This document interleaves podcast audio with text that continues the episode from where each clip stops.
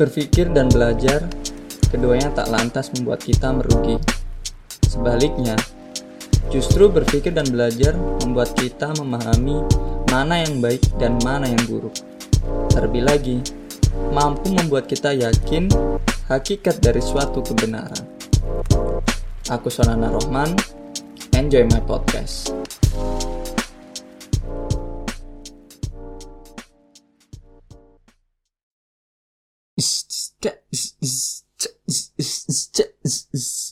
Selamat datang di podcast SR Sonana Rohman.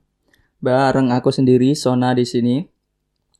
Jadi eh, pada kesempatan kali ini di episode kali ini kita akan ngebahas tentang yang namanya kreativitas ya, berpikir kreatif. Karena ya kayaknya emang butuh banget sih uh, berpikir kreatif di era sekarang ini di industri 4.0 khususnya buat uh, milenial para kaum milenial ini butuh banget yang namanya uh, berpikir kreatif. Karena itu emang udah tuntutan zaman.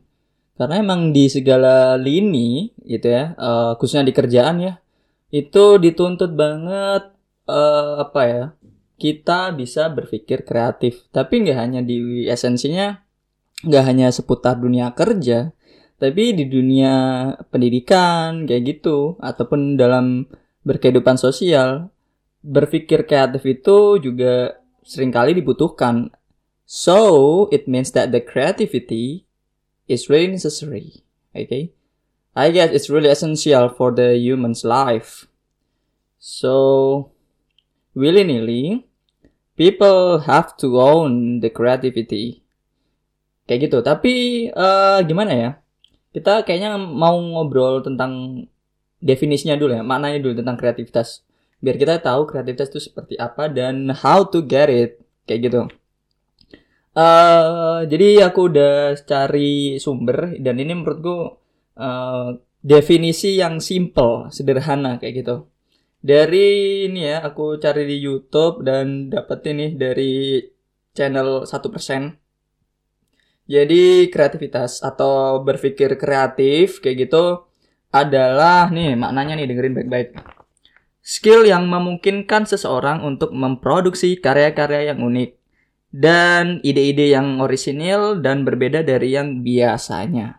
Tuh eh, makna atau definisi dari kreativitas menurut satu persen kayak gitu. Jadi kreativitas itu nyatanya adalah suatu skill atau keterampilan Nah, sama halnya dengan berpikir. Berpikir itu juga suatu skill, keterampilan. Jadi, kalau kita ngomongin uh, mikir, mikir itu ada ada keteram uh, mikir itu ada suatu keterampilan ya, sama dengan suatu kreativitas. Nggak bisa bisa asal-asal asal berpikir itu bisa aja, tapi untuk dengan tujuan lah ya, berpikir dengan tujuan tertentu itu juga nggak asal kan jatuhnya. So, uh, kreativitas itu karena diibaratkan suatu skill, bukan diibaratkan lagi ya, tapi emang skill ya. Jadi artinya kreativitas itu berbeda halnya dengan suatu bakat atau talent di sini. Kalau talent kan suatu keistimewaan yang dimiliki emang sejak dari lahir kayak gitu. Jadi emang kalau bakat itu esensinya sih lebih besar kepada yang namanya suatu genetik. Jadi kalau orang tuanya biasanya seorang atlet kayak gitu, umumnya anaknya juga punya uh, apa ya suatu bakat tentang uh, sport kayak gitu dan lain sebagainya. Nah, jadi kalau skill ini uh, even you don't have any skill, sorry, you don't have any creativity or think creatively, so you can train it, you can learn it. Artinya sih, bahwasanya karena itu adalah suatu skill, uh, jadi suatu kreativitas itu bisa dipelajari dan dikembangkan, of course, kayak gitu. So misalnya dari nol banget kreativitasnya bisa dipelajari dengan hal, -hal tertentu sehingga itu bisa uh, didapatkan dan bisa juga dikembangkan jika memang terus dilatih. Karena sesuatu yang dilatih juga akhirnya juga jadi mahir kan kayak gitu. Kita nggak bisa sepak bola misalnya gitu kan dilatih terus, ikut latihan terus gitu kan seminggu tiga kali bahkan lebih kayak gitu. Lama-lama juga jago main bolanya kayak gitu dan apalagi di dunia uh, pendidikan ya kita nggak bisa matematika kita belajar gitu kan formulanya uh, hafalin rumus gitu kan dan implementasi kehidupan uh, nyata gitu kan terus mengerjakan soal kayak gitu ya lama-lama juga jago pastinya ya enggak sih Nah, balik lagi uh, ingat mengingatkan bahwasanya kreativitas itu adalah suatu skill yang memungkinkan seseorang untuk memproduksi karya-karya yang unik dan ide-ide yang orisinil dan berbeda dari yang biasanya. Nah, uh, aku highlight di sini bahwasanya berbeda dari yang biasanya. Artinya ini sesuatu yang apa ya, tidak sama lah ya. Yang pada umumnya orang-orang A gitu kan. Tapi kalau orang berpikir kreatif, dia tidak ngomongin A sesuai dengan kebanyakan orang gitu. Tapi dia mungkin berpikir B, C dan sebagainya. Tapi sayangnya orang-orang itu tidak pernah atau ngejudge ya sesuatu yang berbeda itu jelek kayak gitu. Yang semuanya pakai baju misalnya uh, di acara resmi gitu kan. Kita pakai jas kayak gitu. Tapi ada orang yang pakai flanel kayak gitu itu kan sesuatu yang berbeda. Tapi kayak udah dijudge gitu eh nggak cocok banget sih nggak pantas gitu padahal pantas tidaknya itu uh, tidak ada rumusnya kayak gitu. Tapi emang uh, judgement dari sosial aja yang bener-bener apa ya menilai berbeda itu buruk kayak gitu. Tapi nggak buruk karena kalau kita berpikir secara luas gitu kan berbeda itu lebih apa ya uh, gini logikanya sesuatu yang berbeda itu pasti akan dilirik orang ya enggak sih? Dan orang-orang yang berpikir positif orang yang berpikir ya ibaratnya open minded lah ya melihat suatu perbedaan tuh malah asik unik gitu kan dan wih dan dipandang wih keren banget nih gitu kan. Tapi orang-orang yang berpikir close minded kayak gitu lah ya, sesuatu yang berbeda eh norak banget apaan sih? gitu kan dan lain sebagainya. So uh, apa ya gak masalah banget kalau kita emang berpikir ataupun membuat sesuatu yang berbeda karena kalau kita membuat sesuatu yang berbeda itu artinya kita kreatif kayak gitu. Sedikit aku kutip dari perkataannya Panji Pragiwaksono ya. Biasanya uh, beliau mengatakan sedikit berbeda itu lebih baik daripada lebih baik. Karena emang apa ya menurutku aku setuju banget. I do agree with this statement uh, in terms of uh, business for example. Jadi kalau dunia bisnis kalau kita buka misalnya ambil contohnya lagi tren banget kan bikin kopi nih, uh, sorry warung kopi lah ya ibaratnya atau kafe. Semuanya bikin kafe gitu kan. Tapi kalau tidak ada yang berbeda sama aja kafe A B C dan sebagainya ya orang-orang juga tidak akan menilai kafe uh, apa sesuatu itu atau kafe tersebut ya adalah sesuatu yang berbeda dan unik. Orang itu bisa cari yang unik gitu kan. Biasanya kafe yang uh, tempatnya instagramable kayak gitu karena itu sesuatu yang unik dan berbeda dari kebanyakan eh, kafe-kafe uh, yang lain biasanya orang-orang cenderung memilih itu karena ada suatu keunikan karena hal yang berbeda dia unik. Orang-orang memandang yang unik dan itu keren. Dan dia pasti nyamperin tuh daripada kafe uh, yang sekedar jualan kopi doang tanpa ada sesuatu yang berbeda. Ya pada kebanyakan aja. Ya mungkin dia bisa bagus ya, bisa laku lah gitu kan. Tapi mungkin tidak bisa bertahan lama kayak karena memang orang-orang cenderung relatively uh, change quickly kayak gitu ya. Jadi apa ya? preferensi seseorang terkadang bisa berubah-ubah gitu begitu cepat dan ketika ada sesuatu yang berbeda itu yang bi biasanya di notice kayak gitu nah e, sesuatu yang berbeda itu dihasilkan oleh orang-orang yang berpikir kreatif kayak gitu nah dan aku sedikit uh, apa ya uh, sampaikan lagi tadi dari satu persen kan definisinya demikian dan aku ini lagi ngambil dari bisnis news daily tentang yang namanya kreativitas. Jadi kreativitas itu adalah suatu kemampuan ya uh, yang mencakup tiga hal. Yang pertama adalah melihat masalah. Jadi uh, kreativitas itu adalah kemampuan melihat masalah dari perspektif yang berbeda. Kayak gitu. Tidak melulu dari sudut pandang yang sama. Makanya open minded itu orang yang open minded itu keren banget. Dia pasti memandang sesuatu tidak hanya dari satu sudut pandang kayak gitu. Jadi ketika ada suatu masalah, ambil contoh kayak gitu uh, misalnya di pendidikan deh gitu kan ngerjain soal nggak bisa nih gitu kan ataupun nggak dapet skor yang bagus kenapa ya gitu kan apakah emang uh, uh, permasalahannya itu dari tidak belajar kayak gitu. Padahal udah belajar kok masih dapat nilai yang jelek aja gitu kan. Dicari. Dicari dia critical thinking yang muncul di situ biasanya mencoba dari perspektif yang lain. Oh mungkin karena ini. Oh mungkin karena itu. Uh, mungkin suasana belajarnya atau lingkungan belajar tidak kondusif kayak gitu. Ataupun uh, bobot pembelajaran yang dia harus kuasai itu memang terlalu tinggi kayak gitu. Ataupun memang uh, dianya malas dan sebagainya. Dia harus bisa melihat kemungkinan-kemungkinan yang ada.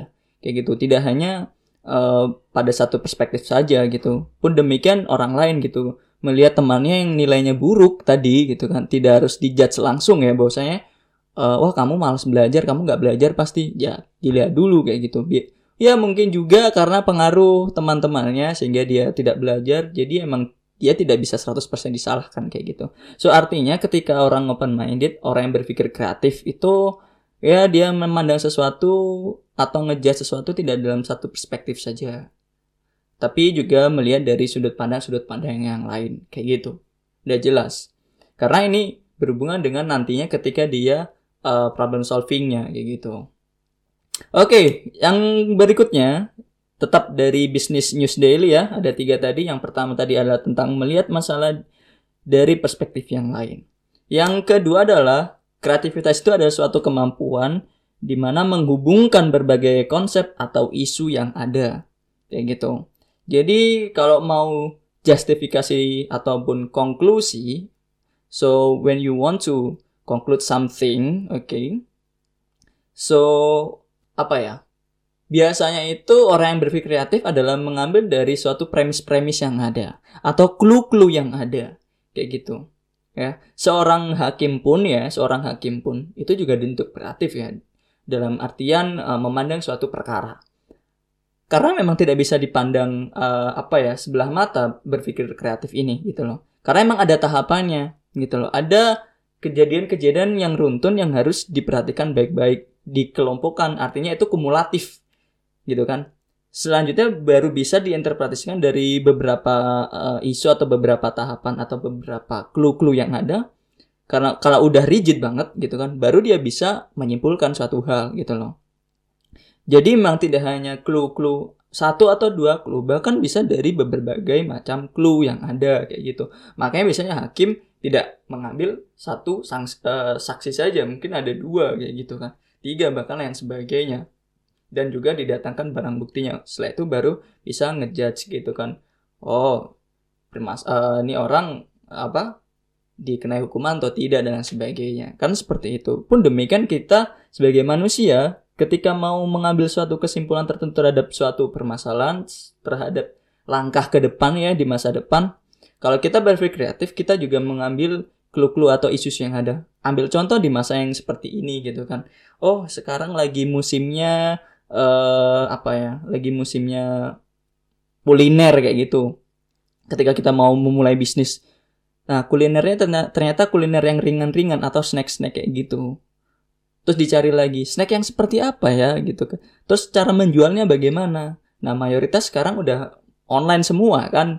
Nah maka dari itu kalau dia memaksakan untuk offline bisa saja gitu kan. Tapi karena udah eranya online harus bisa uh, mengambil suatu strategi yaitu berupa online juga kayak gitu. Dan ya kalau dia belajar terus otomatis dengan belajar terus ya nggak nggak harus ngambil sekali gitu kan. Kalau ngambil sekali doang suatu konklusi juga ya belum tentu belum tentu gitu. Jadi setelah konklusi kalau konklusinya salah juga nggak terlalu bermasalah. Artinya tetap belajar lagi ngambil lagi isu-isu yang lain atau konsep-konsep yang lain kayak gitu. Saya itu uh, diaplikasikan dan diambil kesimpulan di situ orang berpikir kreatif mampu banget untuk menggabungkan gitu kan segala bentuk clue-clue atau konsep-konsep serta isu-isu yang ada di sekitarnya dan dibentuklah suatu kesimpulan yang mana bisa nge-trigger dirinya untuk doing something uh, better kayak gitu. Selanjutnya adalah uh, yang terakhir ini ya dari Business News Daily bahwasanya kreativitas yakni suatu kemampuan menantang asumsi tradisional. Ini sama halnya berpikir yang apa ya, menciptakan sesuatu yang berbeda ya. Tidak salah kalau kita berpikir konvensional dengan cara-cara yang konvensional. Belajar gitu kan, memecahkan suatu masalah gitu kan. Ketika kita dapat PR dengan cara konvensional itu nggak masalah sebenarnya. Tapi kalau kita terlalu mengandalkan itu juga nggak bagus gitu loh. Ambil contoh eh, 5 gitu kan. 2 tambah 3 itu 5 jawabannya. Ya nggak sih? Nah, 4 tambah 1 juga 5. Gitu loh. Ya. Artinya apa? Cara untuk mengerjakan atau mendapatkan jawaban 5 itu berbagai macam gitu. Ada yang 2 tambah 3 gitu kan ada yang 4 tambah 1 gitu kan pun demikian kalau kita mau mendapatkan angka 10 bisa 9 tambah 1 5 tambah 5 8 tambah 2 banyak banget kayak gitu ya jadi nggak melulu harus menggunakan 9 tambah 1 itu cara yang konvensional cara yang mudah. Bisa juga dalam bentuk perkalian. Bagaimana cara mendapatkan 10 kayak gitu kan. Dalam bisa dalam bentuk uh, pengurangan. Ya 15 dikurangi 5 gitu kan. A atau kalau perkalian 2 kali 5 gitu kan. Nah, eh, cara-cara gitu kan eh, yang digunakan itu selalu yang suatu yang baru ibaratnya, ya kan? Jadi orang-orang yang berpikir kreatif itu adalah berani banget gitu kan untuk keluar dari zona nyaman, eh, challenge dirinya untuk memakai cara-cara yang baru, kayak itu yang sebelumnya belum terpikirkan. Gitu, tapi memang nggak gampang ya untuk menemukan atau menantang diri gitu kan menggunakan cara baru kayak gitu dan meninggalkan cara yang lama itu emang nggak gampang. Ber perlu lah ya suatu keberanian juga perlu juga suatu perhitungan yang begitu tepat kayak gitu sehingga dia dia akhirnya bisa uh, melakukannya dengan baik. Tapi orang kreatif cenderung apa ya? They tend to do that with another way gitu kan. Uh, apa ya dengan cara-cara emang benar-benar yang lain berbeda gitu kan. Nah itu ya dan ini banget uh, apa ya aku tekankan banget buat teman-teman sekalian bahwasanya kita perlu banget untuk memiliki suatu kreativitas kita juga perlu banget untuk selalu berpikir kreatif. Karena berpikir kreatif ini dibutuhkan untuk zaman sekarang kayak gitu. Ini juga bisa apa ya kalau kita membudayakan berpikir kreatif atau memiliki suatu kreativitas gitu kan dan kita aplikasikan ke dalam diri kita kehidupan kita sehari-hari ini juga menunjang dari konteks uh, apa perekonomian gitu kan. Dan suatu industri gitu. Nah um, gini aku setuju banget apa yang dikatakan Baiskak di channel YouTube-nya dia berbicara tentang kreativitas ya jadi budaya kreatif itu adalah rootnya dari yang namanya industri kreatif gitu tapi ada tiga tahapan ya. Yang paling mendasar itu adalah suatu budaya kreatif. Itu yang paling bawah. Ini penting banget gitu loh. Satu yang kedua ada ekonomi kreatif. Setelah itu di atasnya lagi suatu industri kreatif. Nah, budaya kreatif ini uh, apa ya? Ya jadi akar dari segalanya gitu kan. Karena kalau orang punya apa ya? budaya berpikir kreatif, gitu kan doing something kreatif gitu kan meningkatkan suatu perekonomian kalau udah perekonomian dan itu semakin besar akan menjadi suatu industri kayak gitu ambil contoh yang budaya kreatif adalah uh, komparasinya ini mungkin dengan sedikit negara lain ya. Artinya kayak ambil contoh negara Korea deh. Yang saat ini memang digandrungi anak muda khususnya perempuan ya. Adalah uh, aku ambil sampelnya dari Korea dramanya. Korea Selatan ya. Adalah Korea Selatan ini bisa keren banget gitu kan dramanya. Aku aku pernah lihat gitu adalah adalah karena dia mencampurkan meskipun tidak secara gamblang ya mencampurkan esensi budayanya dengan realita suatu kehidupan kayak sinetron gitu kan. Tapi ada esensi budayanya di situ. Ya kan setupnya dan sebagainya gitu kan. Itu kental di sana. Artinya apa? Budaya lokal, budaya tradisional dikombinasikan dengan uh, K-pop, uh, sorry, popular culture-nya gitu loh. Atau suatu realita. Dan itu diglobalkan, disebarluaskan sampai ke Indonesia kan. Dan itu yang membuat membuat Korea tuh uh, dramanya keren banget menurutku. Tidak hanya dari esensi cerita ya, alur cerita, tapi juga setupnya itu loh. Itu keren banget.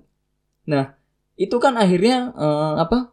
bisa memicu suatu perekonomian. Artinya apa? Orang yang memproduksi uh, apa Korea drama itu ya itu bisa uh, apa menopang perekonomian kreatif gitu loh, ekonomi kreatif jatuhnya. Karena itu menguntungkan, karena itu sesuatu yang berbeda gitu loh. Ya.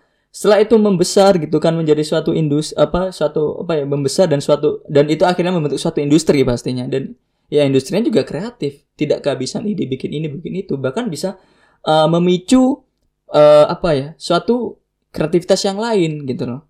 Tidak melulu dari dunia perfilmannya gitu kan tapi hal-hal yang lain yang uh, sedikit uh, apa ya memicu ataupun sedikit menggandeng tentang perfilman di Korea pun juga akan berkembang pesat industrinya kayak gitu. Apa pun itu ya. Karena untuk mem membuat atau memproduksi suatu film kan tidak hanya uh, skripnya doang kan pasti ada yang namanya kamera, ada juga talent uh, aktornya kayak gitu kan, bahkan ada sekolahnya kan. Jadi otomatis uh, apa ya ketika industrinya bagus memicu industri-industri yang lain. Apa misalnya? Sekolah uh, sekolah acting misalnya. Ya kan? Terus ada juga uh, tentang kursus-kursus uh, pembuatan film misalnya gitu kan. Itu akhirnya juga naik karena demand uh, demandnya tinggi Korea gitu kan. Dalam urusan perfilmannya gitu kan. Dramanya sorry gitu. Karena banyak orang yang suka kayak gitu jadi kan dimulai dari berpikir kreatif tadi, yaitu mengkombinasikan gitu. Yang aku bilang tadi kan di bisnis uh, news daily adalah kemampuan uh, menghubungkan gitu berbagai konsep atau isu. Nah, menghubungkan itu, menghubungkan apa? Sesuatu yang tradisional dengan yang modern. Di, uh, dimasukkan atau tercover dalam perfilman atau suatu drama kayak gitu. Nah, keren gitu kan. Di Indonesia pun uh, harusnya demikian gitu loh tidak tidak harus sih tradisional dan sesuatu yang modern tidak harus. Tapi kita juga harus uh, apa ya membuka cakrawala keilmuan kita kayak gitu. Artinya kita bisa mengkombinasikan orang-orang yang jurusannya teknik digabungkan dengan yang bisnis akhirnya membentuk apalah suatu industri apa dan sebagainya. Gitu loh. Jadi ilmu pengetahuan kita itu jangan hanya itu itu aja kita perlu juga untuk yang namanya menambah wawasan keilmuan karena kalau kita menambah wawasan keilmuan juga lambat laun kita juga akan apa ya bisa berpikir kreatif kayak gitu. Artinya apa? Mem kalau kita punya sudut pandang lain atau sudut pandang dari jurusan lain misalnya atau ilmu lain, ilmu disiplin ilmu yang lain maksudnya. Adalah itu tadi ya kembali. Kita bisa melihat suatu hal itu dari perspektif yang berbeda. Itu kita berpikir kreatif loh gitu kan. Tapi emang perlu diasah ya. Nah, ini penting banget nih karena itu bisa memicu uh, industri kreatif ya. Jadi berpikir kreatif itu bisa memicu yang namanya industri kreatif. So, ah we uh no no no. I definitely encourage you, okay, to have creativity. Okay. Of course that you have to learn before. But slowly uh, and surely you will get it, I believe. Gitu. Jadi memang perlu belajar, belajar dan belajar gitu kan. Itu menjadi kunci. Oke. Okay? uh, eh, sebenarnya sih untuk kreativitas ini memang tidak melulu dari dunia bisnis ya. Uh, kayak tadi aku bilang uh, apa? Apa itu namanya? Budaya kreatif status ekonomi kreatif hingga industri kreatif. Mungkin terlihat banget uh, adalah itu bisnis aja gitu. Tapi tidak ya tidak sebenarnya berpikir kreatif atau kreativitas ini tuh cakupannya atau skalanya tidak hanya untuk urusan bisnis aja gitu loh. Tapi semua bidang, semua bidang apa pun lah ya, gitu kan yang kita kerjakan sehari-hari gitu kan, daily. Bisa juga uh, tentang seni gitu kan. Nah, orang-orang seni atau seniman ini juga wah menurutku dinuntut banget untuk berpikir kreatif gitu kan. Orang yang ngelukis gitu kalau emang masa iya tulisannya gunung saya itu ada sawahnya ada mataharinya di tengah gitu. Masa kayak gitu kayak gitu terus gitu kan ngelukis. Iya bosen kan. Dan uh, esensinya juga value dari lukisan itu juga kurang gitu kan. Tapi kreatif dari sudut pandang yang berbeda gitu kan. Di dunia seni ini sangat dituntut banget seniman-seniman. Uh, apa ya pencipta lagu apalagi ya gitu kan. Biasanya umumnya sih emang setauku ya adalah orang yang seni itu berpikir kreatifnya itu dari apa yang dia resahkan. Para pelawak kayak gitu. Apalagi ya, penulis juga. Itu berangkat dari satu keresahan. Biasanya orang-orang yang resah terhadap sesuatu itu akhirnya muncul kreativitas gitu kan. Atau orang-orang yang tertekan biasanya itu juga muncul hal-hal yang uh, sifatnya kreatif kayak gitu. Jadi uh, tapi nggak itu aja ya, nggak itu aja butuh sesuatu yang lain tidak hanya tertekan tidak hanya resah gitu kan. Tapi juga emang sebelumnya udah tahu ilmunya gitu. Jadi udah menguasai bidangnya itu. Uh, I mean apa ya kreativitas tidak hanya mencakup di dunia bisnis saja gitu kan. Meskipun notabene di urusan bisnis kita dituntut banget untuk uh, apa ya kreatif kayak gitu berpikir kreatif. Tapi bidang yang lain sains pun demikian ya seorang ilmuwan pun kalau tidak berpikir kreatif juga susah gitu kan. How to discover uh, apa ya sesuatu men, apa ya sesuatu yang baru lah gitu kan. Masa iya uh, cuma uh, apa ya nge-review dari uh, penelitian-penelitian sebelumnya aja enggak kan. Tapi kan memang peneliti itu ingin mem, apa ya mengambil sesuatu ataupun menemukan sesuatu yang baru yang belum pernah terjadi sebelumnya kayak gitu nah kalau dia tidak bisa me menyelesaikan masalah ataupun uh, menemukan satu hal itu dengan uh, apa ya tidak memiliki lah dia tidak memiliki cara-cara yang begitu banyak cara-cara unik gitu kan ya dia akan tidak menemu dia apa ya bukan berarti pasti tapi uh, apa ya uh, possibility-nya dia menemukan uh, apa yang ingin ingin dia cari itu juga sempit kecil kayak gitu. Tapi kalau dia punya cara yang oh ini nggak bisa nih pakai cara ini berarti pakai pendekatan yang lain pakai metode yang lain oh pakai variabel yang lain mungkin dan sebagainya. Kalau kalau dia bisa seperti itu, artinya kan dia berpikir kreatif toh. Ya peluang dia menemukan apa yang ingin dia cari sebelumnya juga pasti tinggi juga gitu loh. Itu urusan di sains ya. Seorang ilmuwan itu juga dituntut untuk yang namanya berpikir kreatif kayak gitu. Karena notabene ya, notabene uh, urusan berpikir kreatif itu adalah untuk yang namanya uh, I mean, so you think creatively for doing productive. Okay, for doing productive. Or you do productively. Or even you wanna solve the problem. Kayak gitu. Umumnya ya solving dua hal ini, solving the problem sama produktivitas. Orang-orang berpikir kreatif itu punya apa ya skala produktivitas yang cukup tinggi karena dia nggak kehabisan ide. Oh ada ini, oh ini bisa dibahas nih dari urusan ini bisa dibahas. Bisa uh, kalau aku tahunya itu dari uh, penulis ya gitu kan.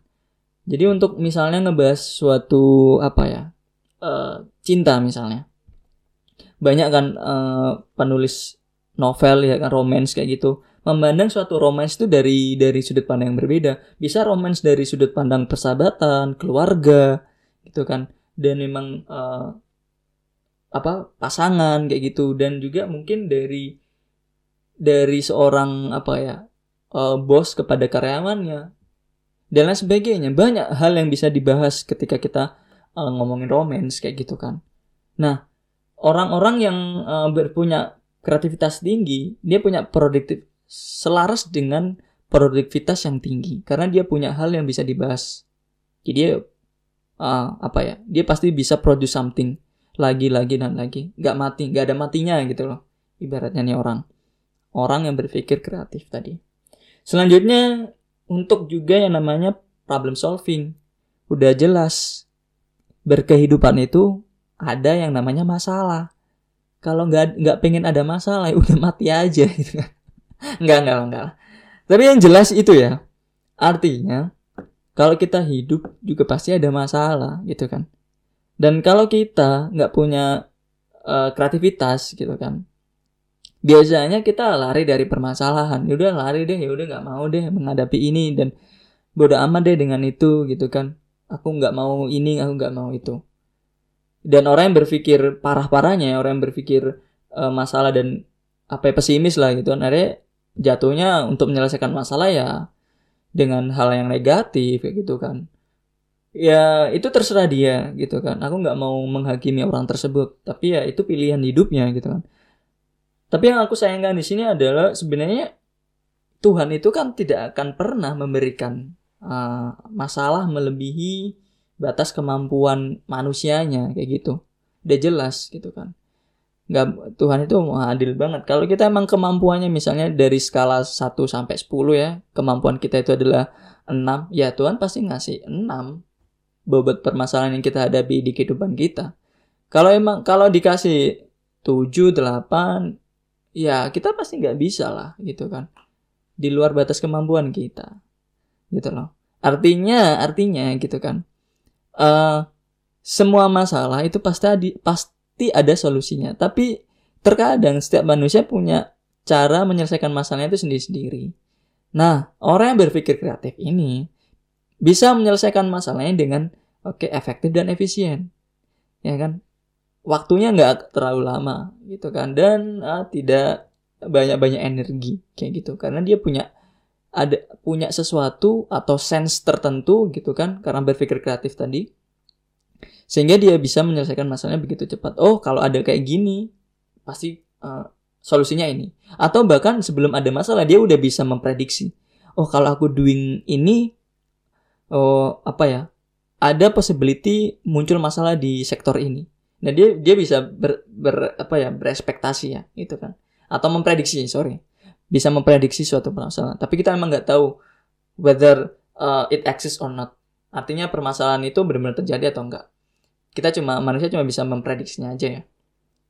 Tapi kalau memang bisa itu uh, misalnya terjadi beneran gitu kan dia kan pasti udah prepare kayak gitu. So I'm ready for the problem oke okay? because I already predicted gitu. Kalau udah diprediksi pasti dia siap. Oh permasalahannya seperti ini. So solusinya ada di ini. Nah kayak gitu. Itu orang-orang yang berpikir kreatif itu pertama dia bisa menyelesaikan masalahnya gitu kan. Uh, tidak begitu lama dan tidak begitu menguras tenaga gitu kan atau melibatkan banyak orang juga. Dan selanjutnya ketika menyelesaikan masalah uh, sebelum dia menyelesaikan masalah bahkan dia bisa memprediksi masalah itu bakal muncul di sektor mana. Karena udah jelas orang yang uh, apa ya berpikir jauh ke depan gitu kan orang yang berpikir kreatif itu tahu tahapan-tahapan yang dilakukan ke depannya.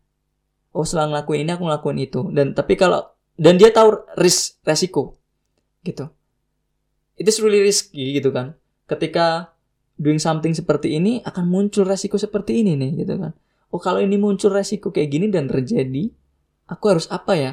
Sebentar aku pikirkan. Oh, resiko uh, resiko ini berarti solusinya seperti ini. Oke, okay, clear. Sehingga dia tidak takut. Kayak gitu. Ya. Ini penting banget skill-skill kayak gini untuk berpikir kreatif. But the question is how? Oke. Okay? How can we be creative? Gitu. Bagaimana kita bisa menjadi uh, orang yang kreatif gitu kan? Bagaimana bisa bagaimana cara menjadi kreatif? So, aku udah searching informasi gitu kan di internet gitu kan di beberapa artikel dan aku rangkum sebenarnya banyak banget cara untuk menjadi kreatif.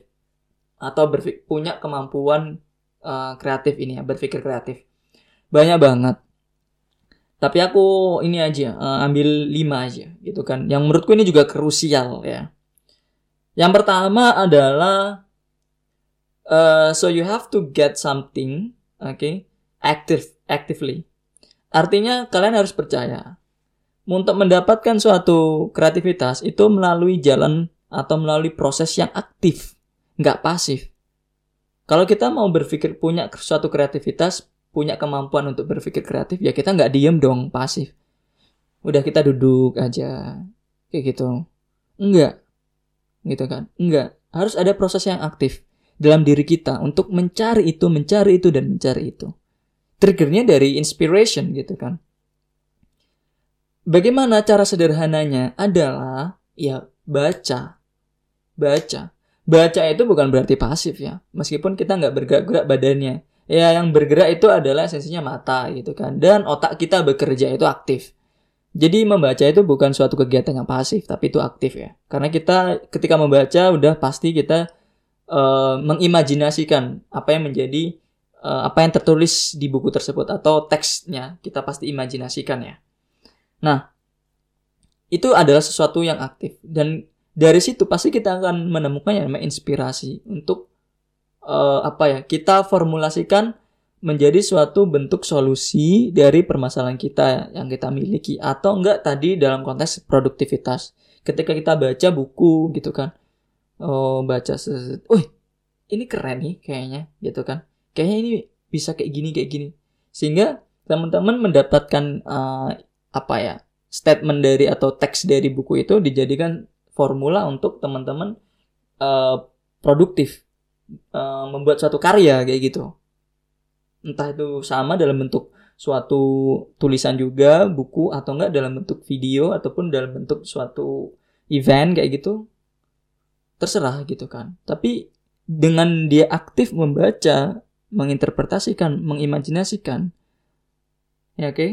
Di otaknya diformulasikan dan catch itu, ya kan, dengan teksnya bisa itu dirupakan dalam bentuk karya yang lain. Versi kalian orisinil dari kalian. Tidak hanya dari membaca gitu kan. Artinya segala sesuatu bentuk kegiatan yang aktif yang kalian lakukan bisa juga nonton bisa juga ketika kalian diskusi dengan orang gitu kan.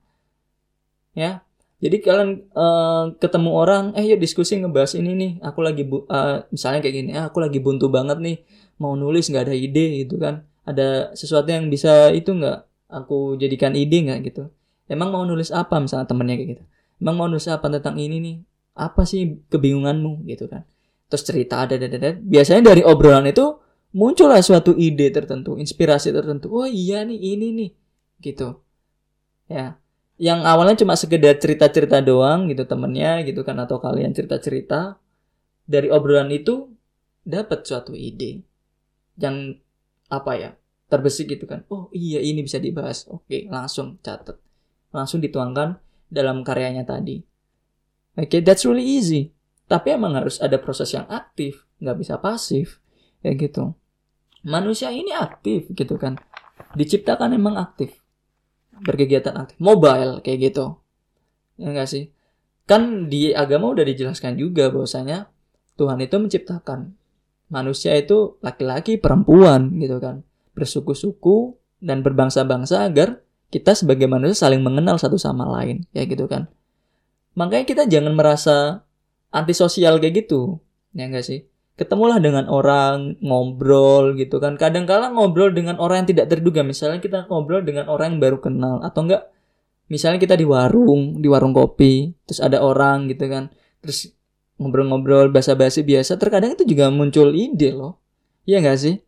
Kayak gitu. Jadi emang perlu banget teman-teman uh, apa ya berproses aktif gitu kan. Apa pun bentuknya bisa diskusi tadi bisa membaca bisa nonton atau atau bahkan dengan doing. Jadi learning by doing gitu. Ambil contoh ketika kalian mau nulis gitu kan gak ada ide ya udah nulis aja pokoknya.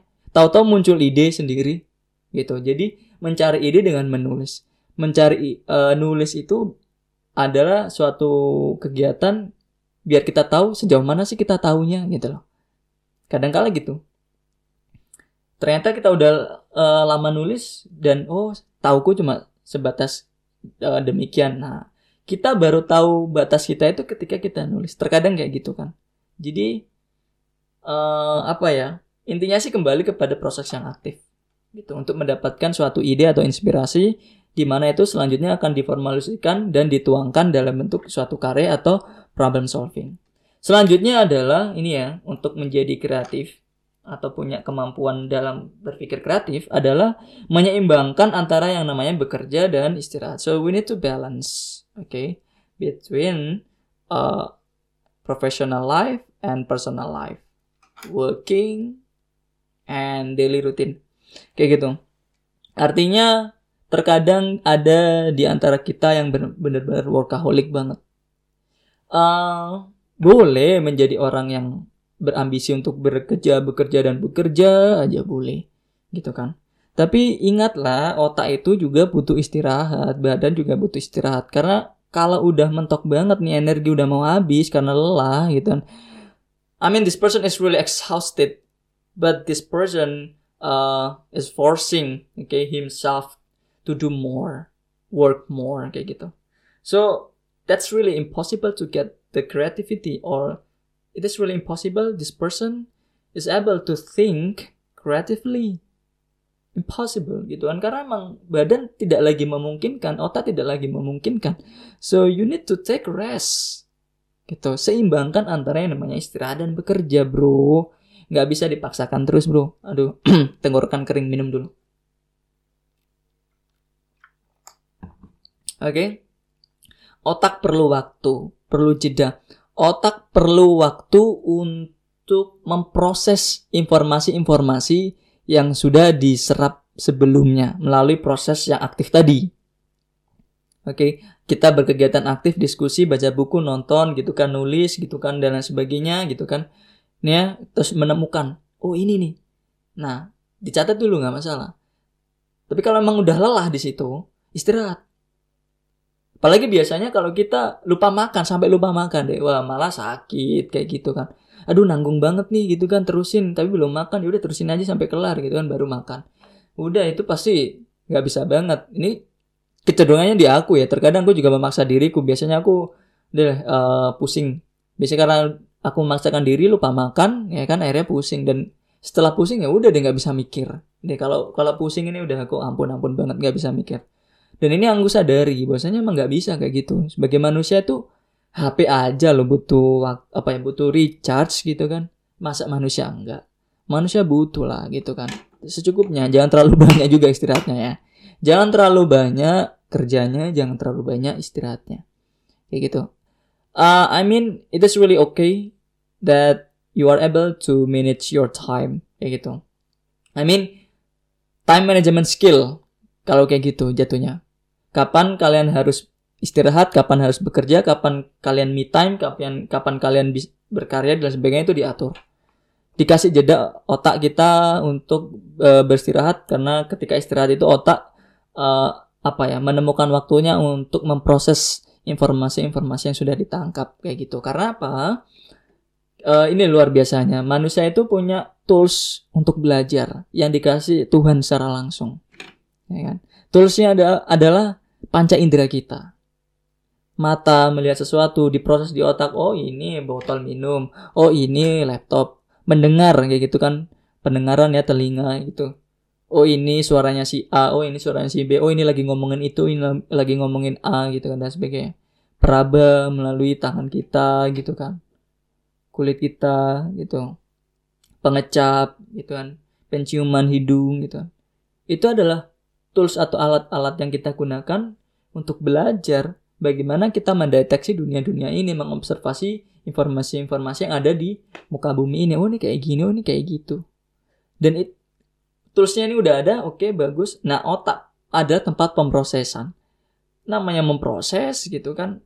Ya kemampuan otak makanya tadi berpikir itu skill ya keterampilan. Kalau kita nggak pernah mengasah otak kita, melatih otak kita, memproses informasi-informasi yang kita dapatkan melalui panca indera juga lamban. Gitu. Tapi kalau kita udah biasa gitu kan melatih otak kita untuk berpikir cepat, memproses sesuatu dengan cepat, informasi-informasi kita dapatkan melalui panca indera kita juga relatif ya relatif ya mudah untuk diproses. Akhirnya disimpulkan sesuatu gitu kan. Oh, ini kayak gitu.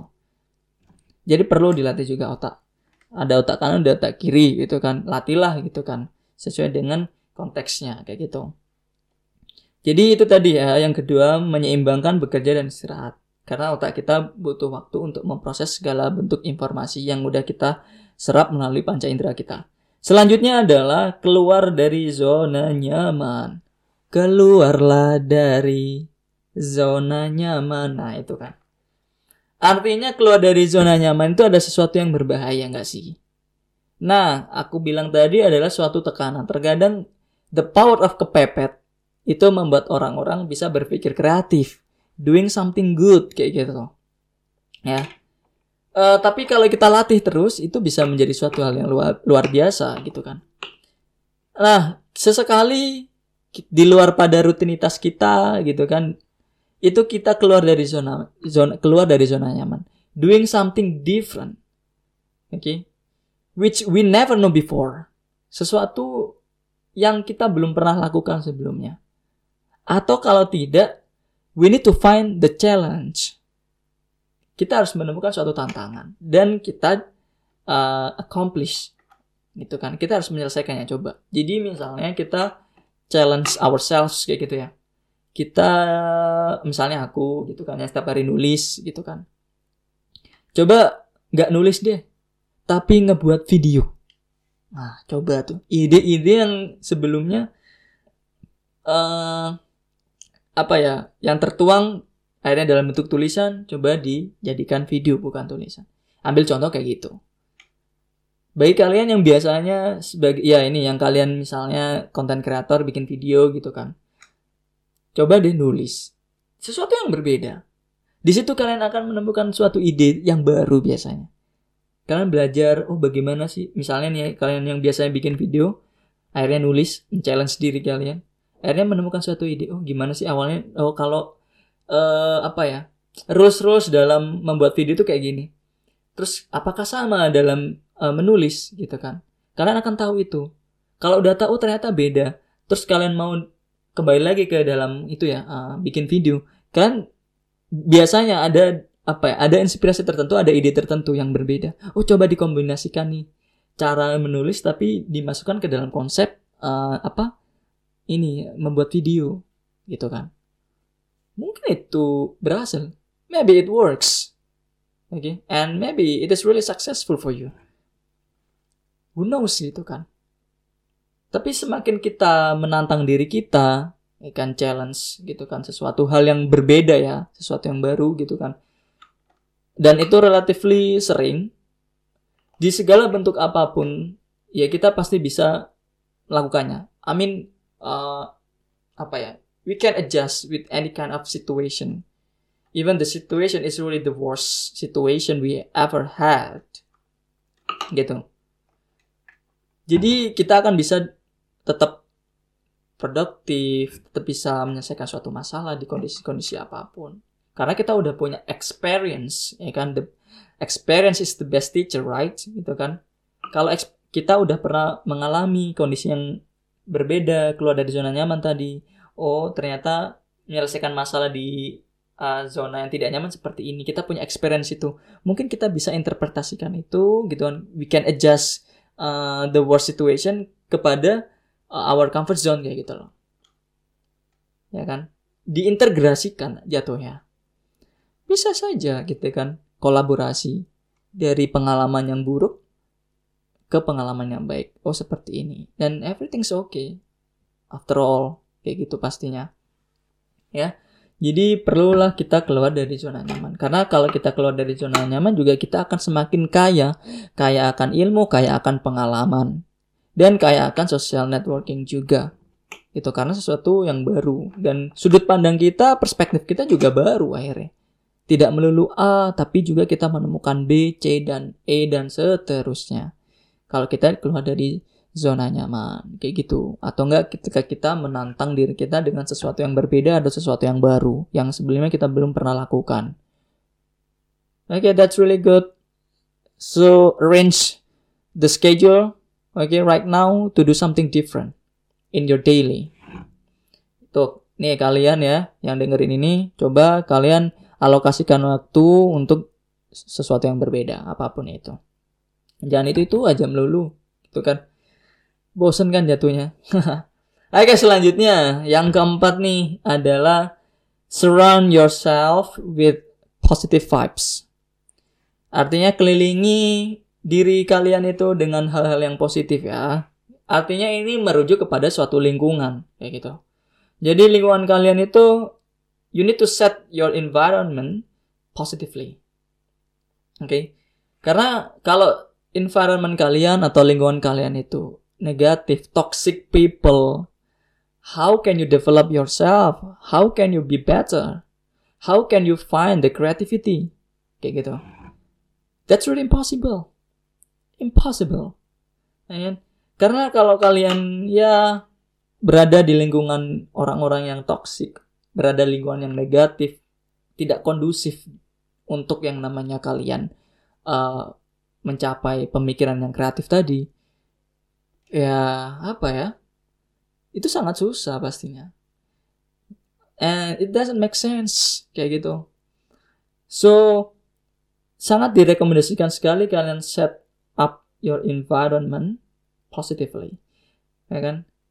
And then find positive vibes positive people and then catch them. And get involved actively with them. Kalian terlibatlah dengan orang-orang yang positif orang-orang yang keren. Karena nanti ketularan kalian ikutan keren. Kan kata orang kalau kalian berteman dengan uh, apa ya orang yang jual minyak wangi ya kalian ikutan wangi gitu kan. Kalau kalian bertemannya dengan pemabuk gitu kan ya akan bisa dipastikan kalian juga ada tendensi untuk ya mabuk juga jatuhnya gitu.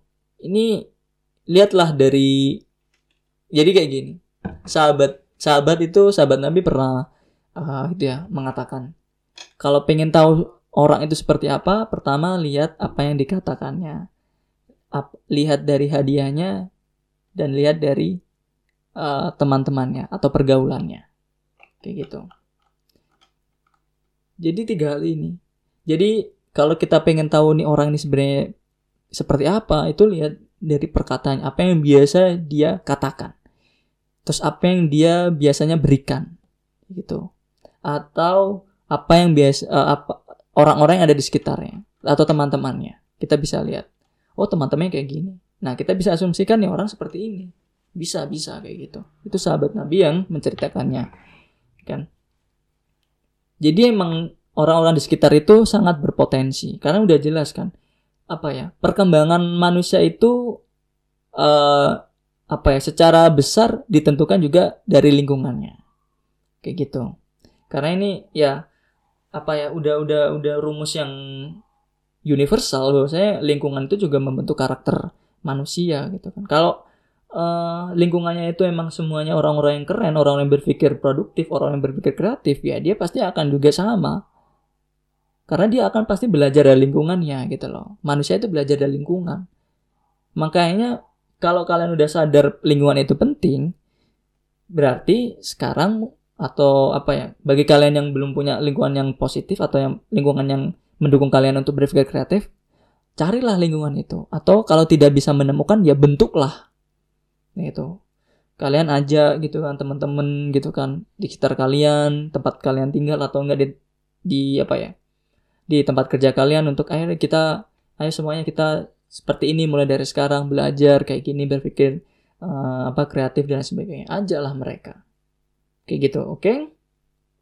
Dan mungkin yang terakhir nih bagaimana caranya menjadi kreatif atau berpikir kreatif adalah open minded nah open minded ini kembali lagi ya adalah uh, apa ya gini deh kecenderungannya seperti orang yang open minded itu adalah orang-orang bisa sangat toleransi dengan yang namanya perbedaan. Gitu. Per toleransi itu seperti ini adalah suatu hal di mana kita memaklumi dan menerima hal-hal yang notabene berbeda dari apa yang kita anut gitu kan. Tapi bukan berarti kita agree atau setuju. Meskipun kita tidak setuju, tapi kalau kita bisa menerima itu bisa dikatakan toleransi. Dan orang-orang yang toleransi seperti demikian adalah orang-orang yang open minded karena dia menerima banyak perbedaan. Menerima, memaklumi gitu kan. Oh, dia punya uh, ideologi seperti ini, oh dia seperti itu. Tidak terlalu dipermasalahkan oleh dia, dia memaklumi. Karena dia bisa bijaksana menanggapinya. Karena emang lingkungannya demikian. Oh, karena emang situasinya demikian. Oh, karena memang uh, apa ya? Apa yang dia prioritaskan demikian. Kayak gitu. Dan orang-orang yang demikian pasti bisa belajar. Open minded itu orang-orang yang banyak belajar. Banyak belajar dari perbedaan-perbedaan yang ada. Gitu. Nah, nah kembali lagi kalau kita emang apa ya bisa memandang suatu hal yang berbeda dan bisa menerimanya gitu kan menjadi suatu pembelajaran bagi kita kita bisa berpikir kreatif dari situ nah so jangan menolak yang namanya perbedaan. Kalau semuanya homogen, sama gitu kan. Ya, apa ya? Kita tidak kaya jatuhnya, tidak kaya. Indonesia ini negara kaya memang. Karena apa salah satunya? Manusianya atau penduduknya itu multikultural. Gitu kan. Budayanya ada yang A, B, C dan sebagainya. Banyak banget kan budaya yang kita miliki di Indonesia ini. Kita kaya, gitu kan. Tapi kalau kita sampai menutup diri, close minded dengan perbedaan itu, kita akan menjadi orang yang benar-benar miskin kayak gitu. Negaranya kaya tapi orang-orangnya miskin. Miskin akan yang namanya suatu pemahaman gitu. Karena sesuatu kalau dia menerima banyak pemahaman berbeda gitu kan dan trans apa ya mentransformasikannya menjadi suatu hal yang baik itu orang-orang yang benar-benar dewasa kayak gitu dan bahkan ya tidak tidak mudah untuk justifikasi gitu kan. Dia bisa dikatakan bijaksana terhadap satu hal. Orang yang bijaksana itu orang yang tahu gitu kan mana yang baik dan mana yang buruk. Oh ini baik ini buruk gitu. Bagi dirinya bagi uh, apa ya kemaslahatan banyak orang juga. Sangat direkomendasikan sekali. Ini harus kita miliki yakni open minded gitu kan so saatnya kita belajar dengan yang namanya perbedaan-perbedaan karena apa dengan yang namanya open minded kita bisa akan yang namanya berpikir kreatif sehingga itu akan menunjang kita dalam berkehidupan sosial, berkehidupan di dunia profesional atau enggak di dunia pendidikan dan yang lain sebagainya kayak gitu. Oke, okay, uh, eh, mungkin itu aja dari aku cukup sekian gitu kan. So, ayo kita semua berpikir kreatif. Ayo kita belajar bareng-bareng dan mencapai suatu kreativitas. Karena kreativitas itu akan memunculkan kebaikan untuk diri kita sendiri dan untuk orang lain. Kayak gitu ya. Terima kasih sudah mendengarkan. Dan sampai jumpa di podcast selanjutnya bareng aku di sini Sona. Bye.